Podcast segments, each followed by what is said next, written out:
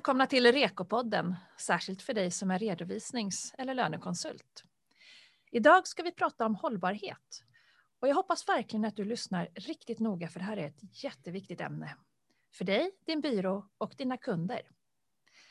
Vi på FAR gör ju en del framtidsspaning för att se vad som ligger runt hörnet och eh, vi är ganska övertygade om att det bara är en tidsfråga innan de flesta småföretagarna som jobbar med större kunder kommer att behöva hållbarhetsrapportera. Idag kanske man kan se det som ett försprång, men imorgon tror vi att det är en nödvändighet för att överleva. Vi är också övertygade om att hållbarhetsarbetet är avgörande för att vara en attraktiv arbetsgivare i framtiden. En som verkligen har satsat på att hjälpa sina kunder att komma igång och driva sitt hållbarhetsarbete, även inom den egna byrån, är Petra Örjegren, auktoriserad redovisningskonsult och delägare i byrån Stabilisator i Östersund och Stockholm. Ja. Välkommen Petra! Tack Pernilla! Och eh, med oss idag har vi också Yvonne Jansson som är hållbarhetsexpert här på FAR och som har skrivit boken Hållbarhet i praktiken. Välkommen du också Yvonne. Tack så mycket. Och som vanligt Camilla Karlsson som är auktoriserad redovisningskonsult på FAR. Välkommen du också Camilla.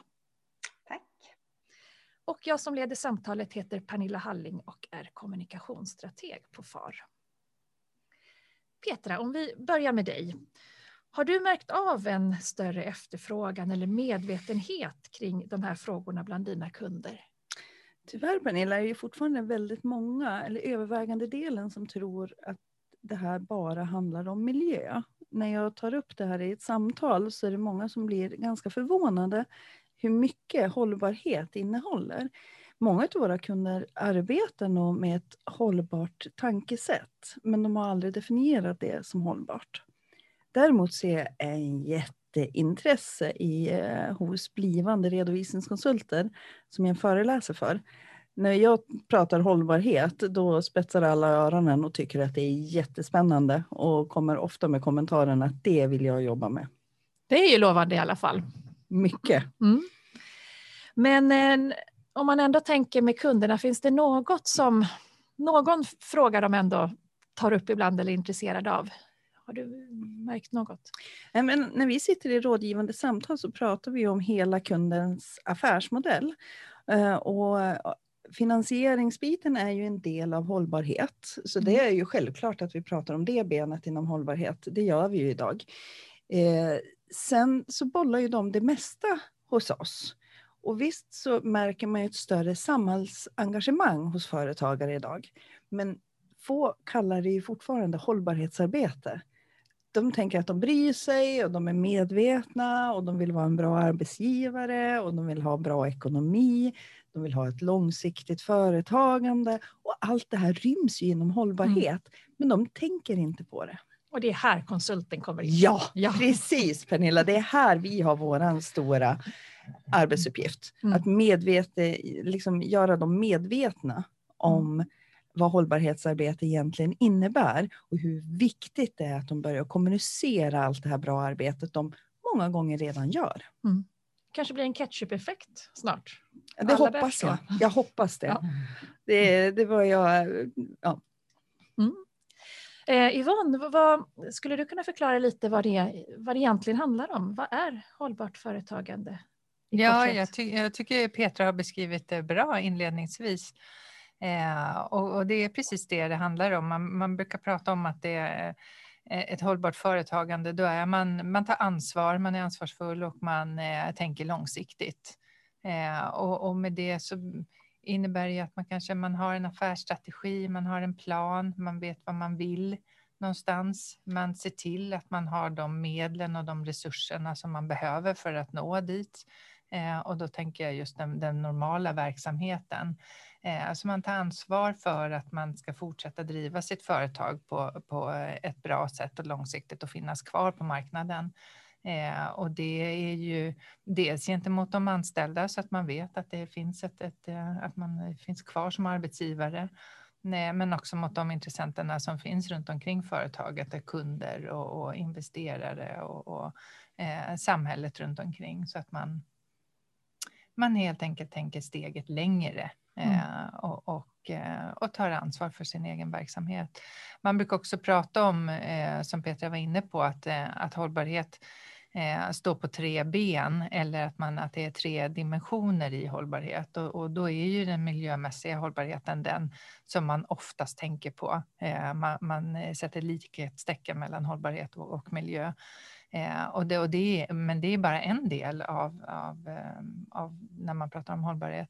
Det är den miljö, miljömässiga hållbarheten. De andra två är eh, det sociala ansvaret som man har. Eh, och det är dels inriktat inåt i företaget, att man tar ansvar för sin, sin personal och sina medarbetare. Och återigen så handlar det om det där lilla extra som man gör. Eh, det man gör mer än vad lagen kräver, för vi har ju redan reglerat ganska mycket i, arbetsmiljölag och, andra.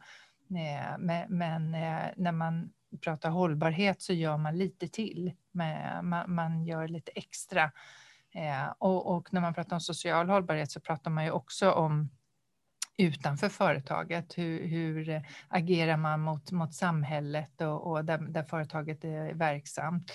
Men även eh, hur ser det ut i, i, eh, i leverantörsleden till exempel om man köper in produkter eller, eller tjänster. Var produceras de någonstans och hur är förutsättningarna där? Finns det, eh, finns det risk för att man bryter mot mänskliga rättigheter någonstans i den kedjan? Eh, och har man då möjlighet att välja någon annan leverantör istället där man kan vara mer säker på eh, att man respekterar mänskliga rättigheter i, produktionen till exempel. Eller har man möjlighet att påverka den, eh, den leverantören som, som man har. Det är att ta det där sociala och hållbarhetsansvaret. och sen det tredje benet, det är det som är mest naturligt för oss, det är den ekonomiska hållbarheten som är minst lika viktig och som man kanske inte tänker på, framförallt inte när man pratar om hållbarhet. Eh, men det är ju just det som vi pratar om, att bedriva en, en stabil och, och säker ansvarsfull verksamhet ekonomiskt, att ha en, en, en plan, en strategi, att se till att man har resurser, eh, att de finansiella rapporterna som man tar fram är rätt och riktigt så att man eh, kan fatta bra beslut baserade på de rapporterna.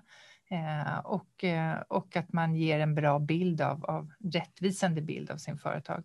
Så den ekonomiska hållbarheten är minst lika viktig och där har ju vi våran dörr in i eh, i att bli rådgivare till, eh, till våra kunder.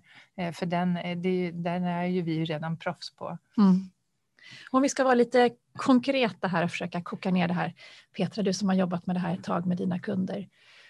Hur gör man rent konkret för att hjälpa företagen? Eh, det börjar ju precis som eh, Yvonne sa i det finansiella, det är där vi har vår väg in. Och när vi då har ett bokslutsarbete eller ett bokslutsmöte med kunden, att börja prata om de här frågorna. Få kunden att ta de här små stegen att komma igång. Eh, jag tror att vi måste bör först börja med oss själva. Vi måste ju visa att vi tycker att det här är viktigt. Det här är en viktig fråga och sen så är det ju vår uppgift att peka på risker. Och börjar inte de här företagen nu att hållbarhetsredovisa så är det en stor risk. Det är inte bara en möjlighet. Jag älskar ju att prata möjligheter och jag tror ju att man kan få både nya kunder och, och, och ny personal om man jobbar på ett hållbart sätt. Men det är en stor risk också om man inte gör det. Och det är ju vår uppgift att prata om risker inför framtiden. Mm. Så det beror väl på kunden om man ska prata möjlighet eller risk. Mm. Men eller där tror jag man kan inleda samtalet. Eh, hur diskuterar ni runt den här frågan och hur tänker ni inför framtiden? Har ni fått några propåer från era kunder? Vad har ni för intressenter som kanske kan påverkas av att ni börjar tydligt kommunicera hållbarhetsarbete? Kan man säga att möjlighet och risker lite speglar varandra fast åt olika håll så att säga? Förstår du vad jag menar? Ja, ja. jag menar, ja, vad är riskerna och vad är möjligheterna de stora? Eh, riskerna är ju att vi kommer att tappa affärer eh, och att vi inte får den personal vi vill ha. Vi tappar den personalen. För generationen som kommer, det här är en superviktig fråga för dem. Och vill vi vara en attraktiv arbetsgivare, det är ju möjligheten då, mm. att vi kan bli en attraktiv arbetsgivare. Och då måste vi tydligt kommunicera att vi förstår begreppet hållbarhet och att vi är engagerade i begreppet. Ja. Sen kan ju vi konsulter, eh, vi är ju vana att rapportera deras ekonomiska siffror, eh, eller den ekonomiska datan. Så att utvidga och börja titta på andra aspekter i deras verksamhet och hjälpa dem att rapportera även det. En gång per år eller en gång i kvartalet eller sådär. Det är ju en naturlig, vi är ju vana att jobba med att sammanställa data och presentera snygga rapporter. Så jag ser att vi har, vi har ju halva inne redan. Mm. Vi gör ett ben, vi ordnar de ekonomiska eller finansiella rapporterna. Vi diskuterar med dem runt hållbart företagande i den aspekten att de ska finnas kvar, de ska ha likvider så att de klarar sig och att de har ett, ett eh, vad säger man, livskraftigt företag. Utifrån en ekonomisk situation, där pratar vi ju redan. Och att då börja väva in de här andra sakerna, väva in miljöaspekterna, väva in vikten av att ta ett samhällsansvar. Eh, och att visa det. Det är ganska litet steg för oss, borde vara ett ganska litet steg för oss att ta i vår rådgivande roll, mm. tänker jag. Ja. Jag tänker också med, i, i den här inledande fasen när man ska börja och, och få kunden intresserad kanske eh, och motivera till att titta på de här sakerna eh, och vilka saker, vilka områden som kan vara väsentliga för, för den kundens verksamhet och, börja jobba med. Där har ju vi också en bra ingång med den jag tänker på den kunskap om, om verksamheten som vi har och, och, och företagets kanske historia och, och, framtidsmål och planer, så har ju vi en, en övergripande bild av hur det ser ut för företaget och i vilken, eh, ja, men i vilken omvärld den, den finns och, och, vilka krav och förväntningar som eventuellt kan finnas på företaget att, att uh, arbeta med hållbarhet. Eh, och, och, därifrån så har vi också en möjlighet att eh, liksom lite mer konkret visa på kunden vad det skulle kunna vara för frågor.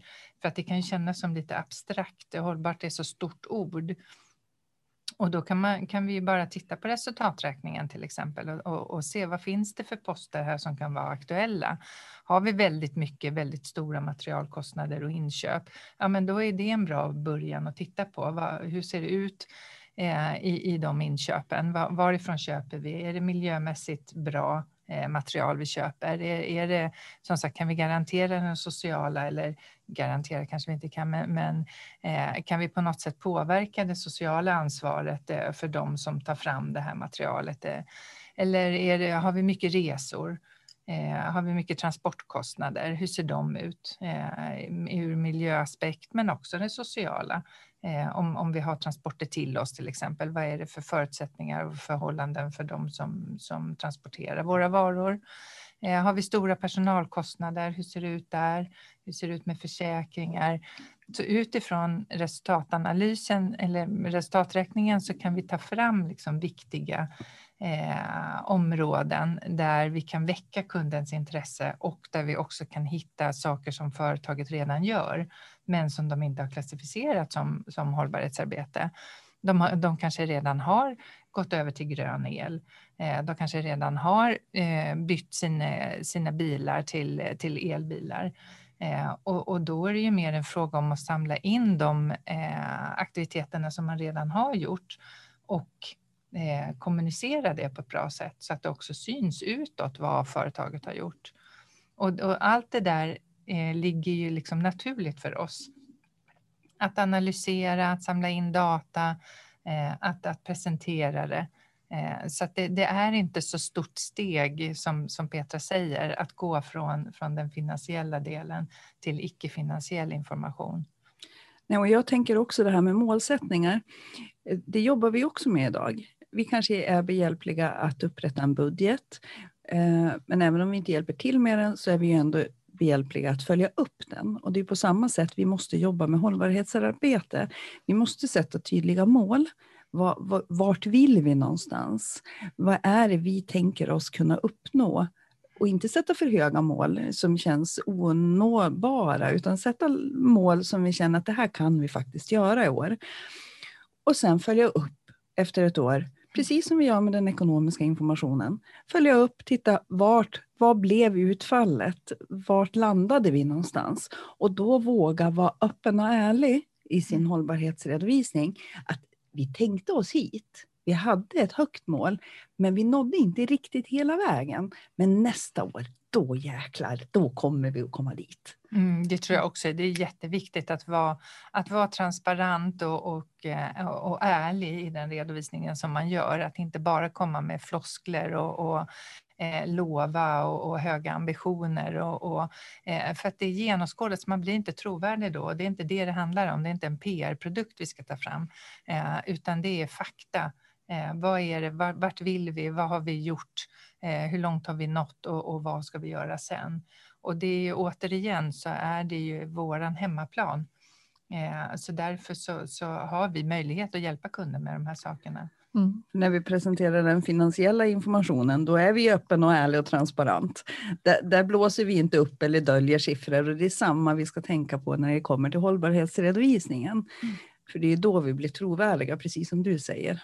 Ja, och att vi tänker... Petra, jag blir lite intresserad just när du säger det här att det ska vara vad det verkligen är som gäller. Hur upplever dina kunder när man är transparent i de här frågorna? Jag menar, siffrorna det är ju liksom svart på vitt, det är ju vad det är, men just när man pratar om personalen, man pratar om eh, leverantörskedjor, man pratar om man köper in hållbart material. Hur reagerar man där om man inte verkligen når upp till det man kanske tror att man gör?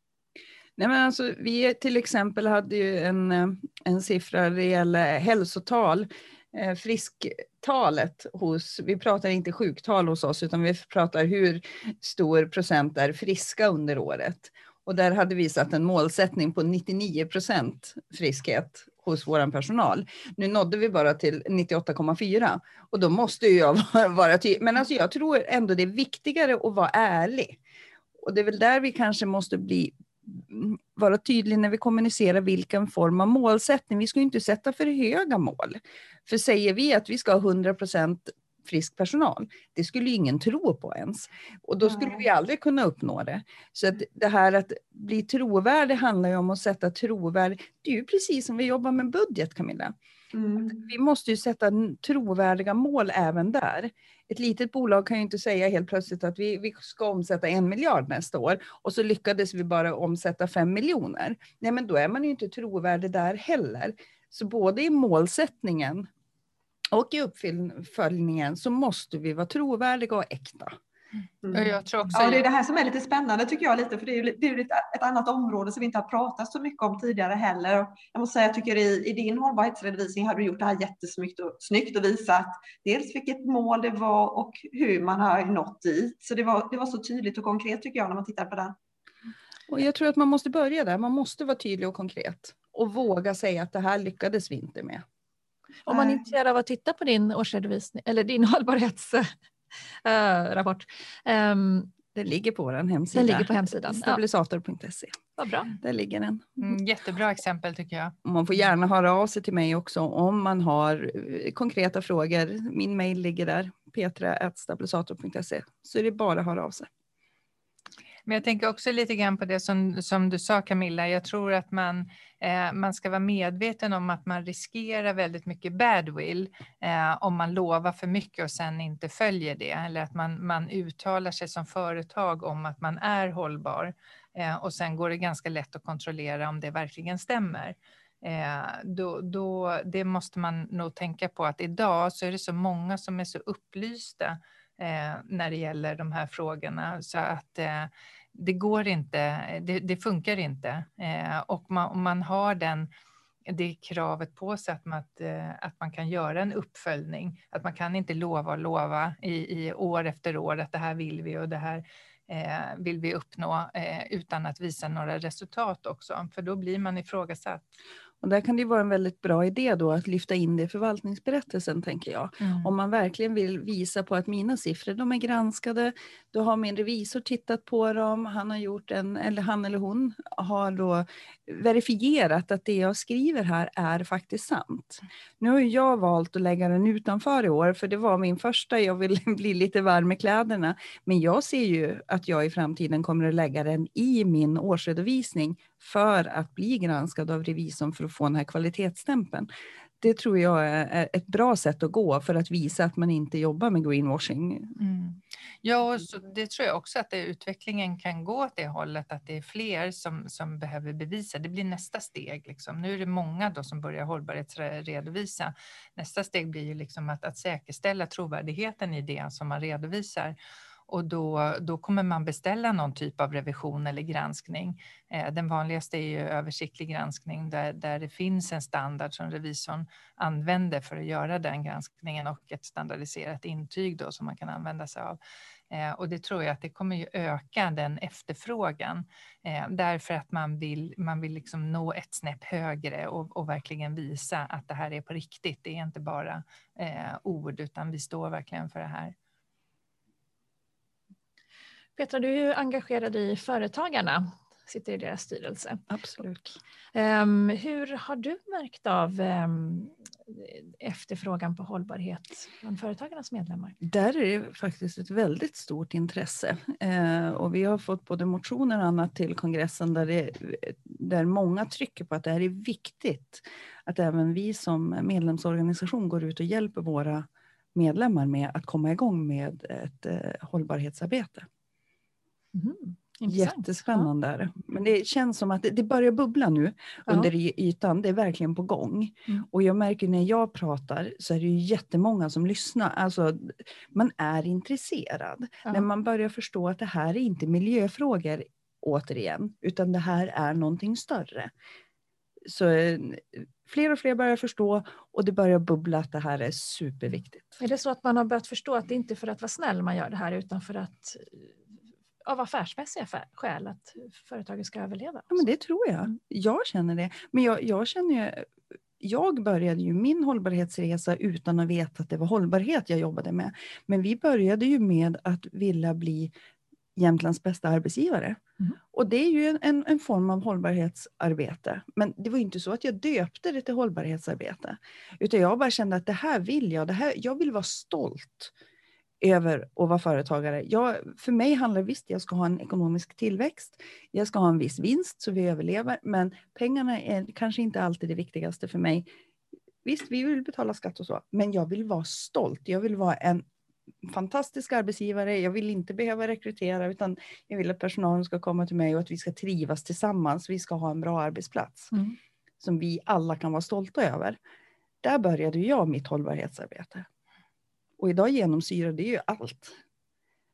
Vi är ju, alla på företaget uppmanas ju att vara samhällsengagerade, att delta i idrottsföreningar eller sätta sig i styrelser eller bidra till samhället utanför vårt, vår arbetsplats. Det uppmuntrar vi verkligen hos alla våra anställda till exempel. Är Det lite det som du menar är nyckeln in i det här, att man får liksom byrån och personalen att leva hållbarhet, att det, är, att det ska genomsyra. Men det måste ju börja med dig som byråledare eller din styrelse, att vi, vi verkligen har det här genuint i hjärtat. Det får inte bara vara att ja, men det här måste vi göra. Hur bockar vi av det här? För då blir det inte bra. Jag tror att hållbarhetsarbete måste verkligen, vi måste leva hållbarhetsarbete. Vi måste leva i att tänka att vi kan göra gott för andra också, inte bara oss själva. Mm. Jag ser det är ett jättebra eh, sätt att, att, eh, att, att få erfarenhet också om man som redovisningskonsult tänker att det här måste, måste och vill jag börja jobba med med mina kunder. Då är det en bra början att börja med sitt eget företag. Eh, dels för att man blir trovärdig, som, som Petra säger, för att man själv har gjort det. Eh, och att man själv tänker på att man har, bedriver en hållbar verksamhet.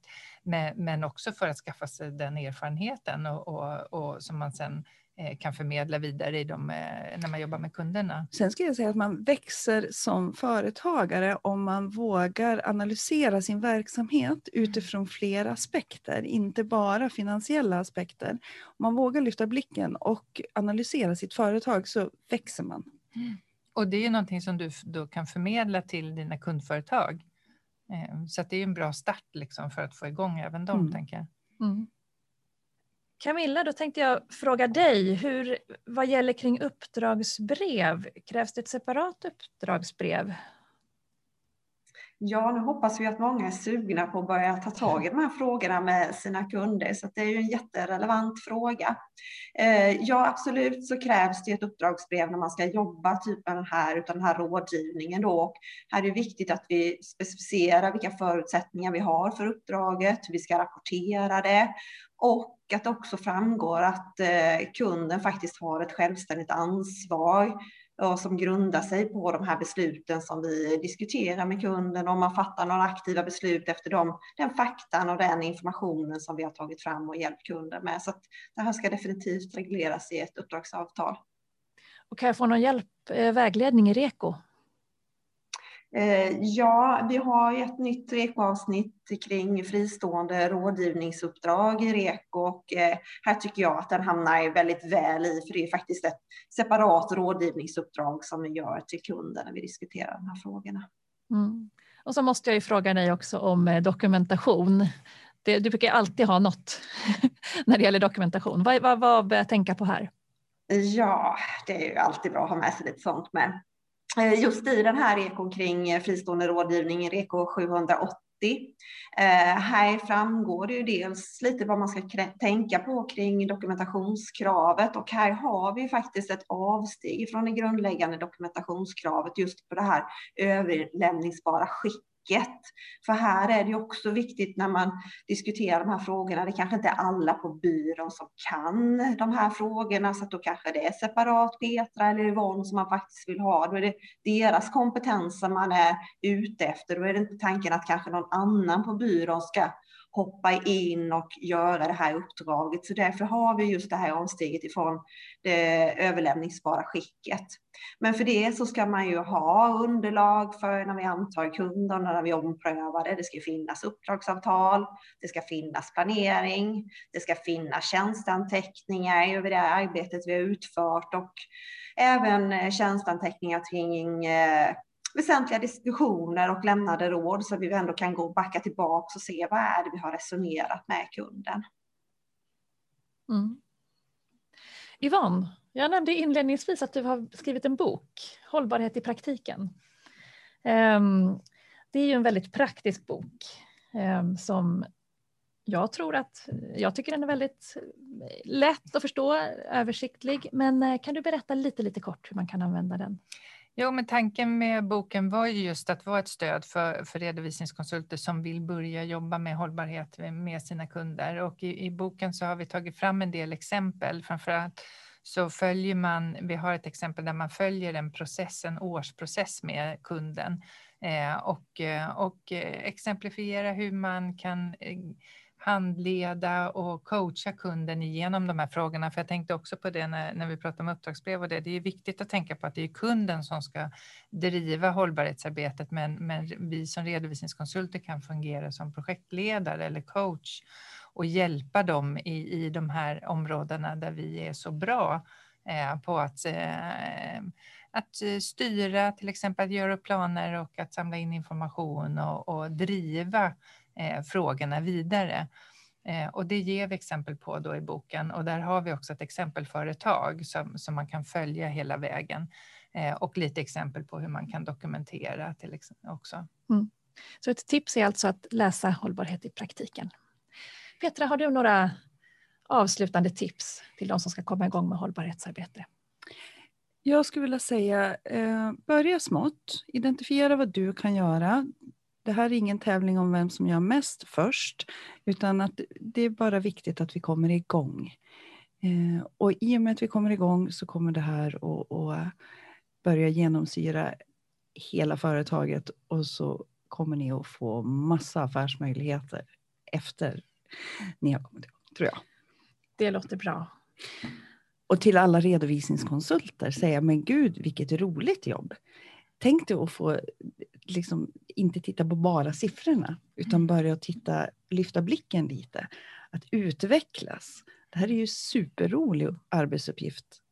Och här kan man väl säga att det finns bara möjligheter. Ja, inga bara, risker. Inga risker. inte ens bara jag kan hitta några risker. Nej. Tack så mycket. Jag hoppas att du har lyssnat väldigt noga och känner dig inspirerad och full av ny energi att ta tag i hållbarhetsfrågorna. Och det som är så bra med en podd, Du kan lyssna hur många gånger som helst om det är något du inte riktigt uppfattade.